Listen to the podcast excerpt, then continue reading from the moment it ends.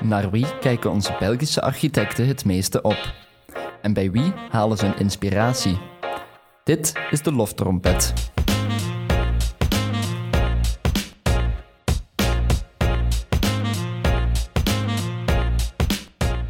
Welkom bij de loftrompet. Of het nu gaat om een oude rot in het vak waaruit ze veel inspiratie hebben gehaald, of om een jonge frisse wind die zorgt voor vernieuwing en uitdaging, het kan alle kanten uitgaan, maar wel enkel de positieve.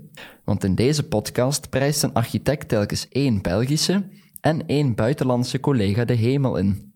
In een van onze vorige podcasts legden bouwmeesters Leo van Broek en Erik Wiers uit wat ze zo appreciëren in de architectuur en de persoon van Leon Steinen. In deze podcast mag Kelly Hendricks van Beeldarchitecten een favoriete Belgische en buitenlandse architect naar voren schuiven. Maar voor we beginnen aan deze lofzang, eerst nog een woord van dank aan onze structurele podcastpartners.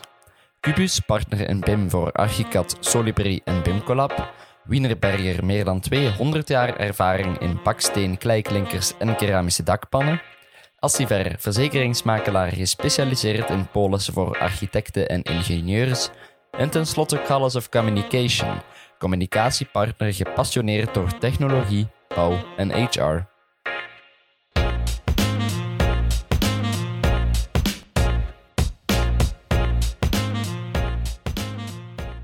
Kelly, welke Belgische en buitenlandse architect ziet jij als uh, grote inspiratiebronnen voor u? Um, ik denk uh, vooral ook in België, er zijn enorm veel uh, talentvolle Belgische architecten.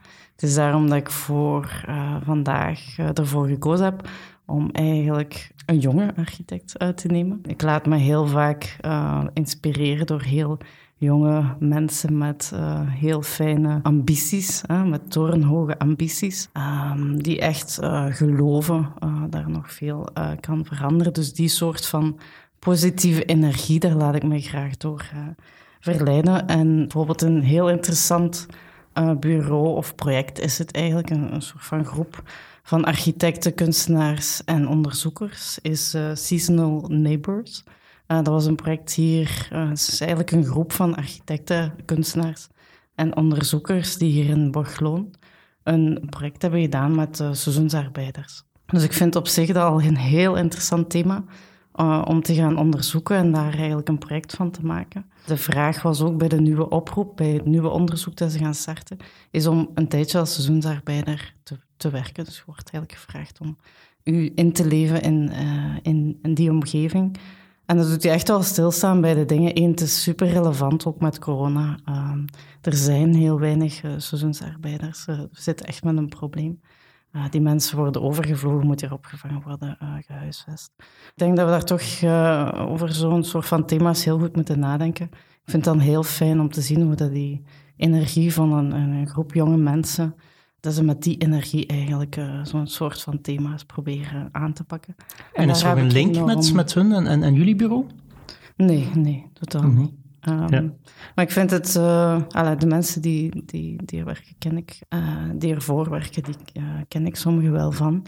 Maar ik vind het gewoon super boeiend om de energie, want ze zeggen vaak heel jonge mensen, dat is vaak ook een soort van kritiek, maar ik vind het volledig onterecht. En ik denk uh, dat die er net voor zorgen uh, dat we echt met heel veel energie en heel breed vizier eigenlijk naar de dingen moeten blijven kijken.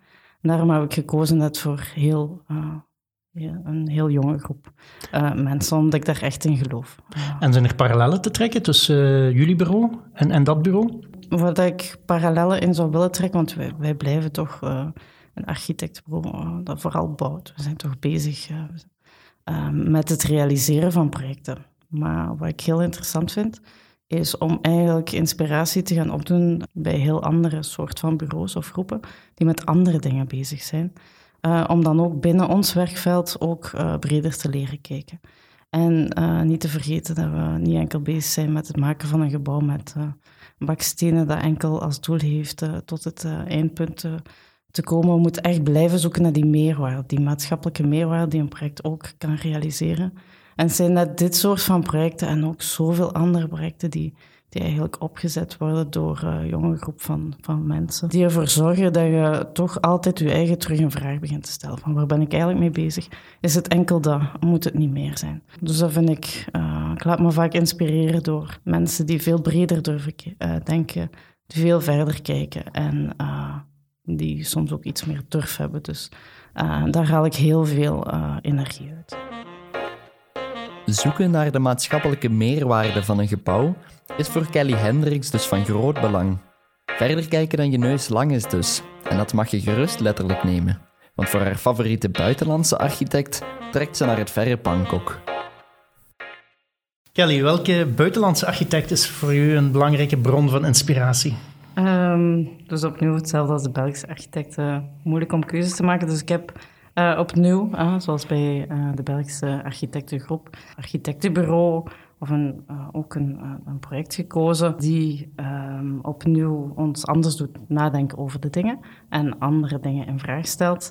En dat is een architectenbureau in Bangkok, Thailand. Dat is eigenlijk een Spaans bureau dat daar ook gevestigd is. En Sarkeia Torres.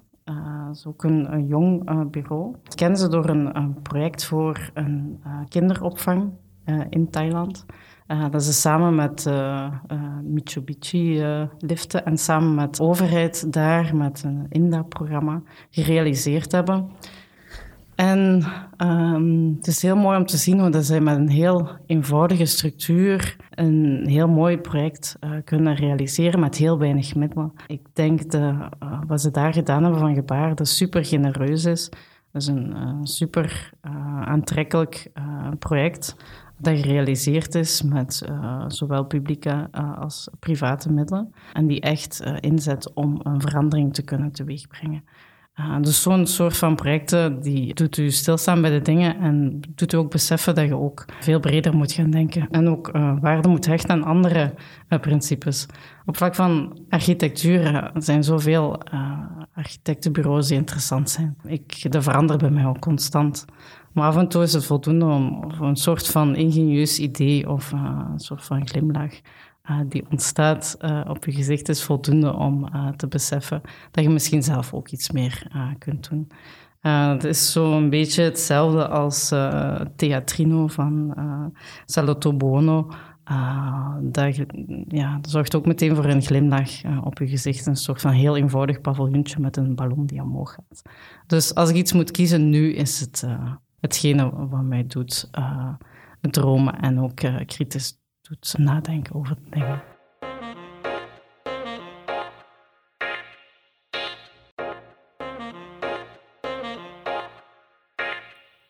Met deze mooie balans is de laatste noot van deze loftrompet geblazen.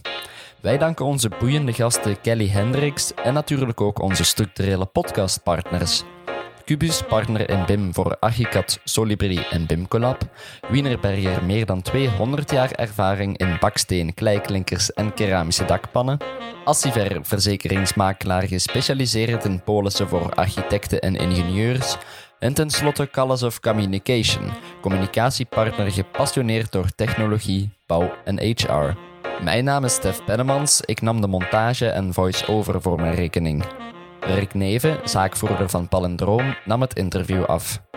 Beluister ook zeker onze andere podcasts op onze website architectura.be of op de gebruikelijke streamingsplatformen.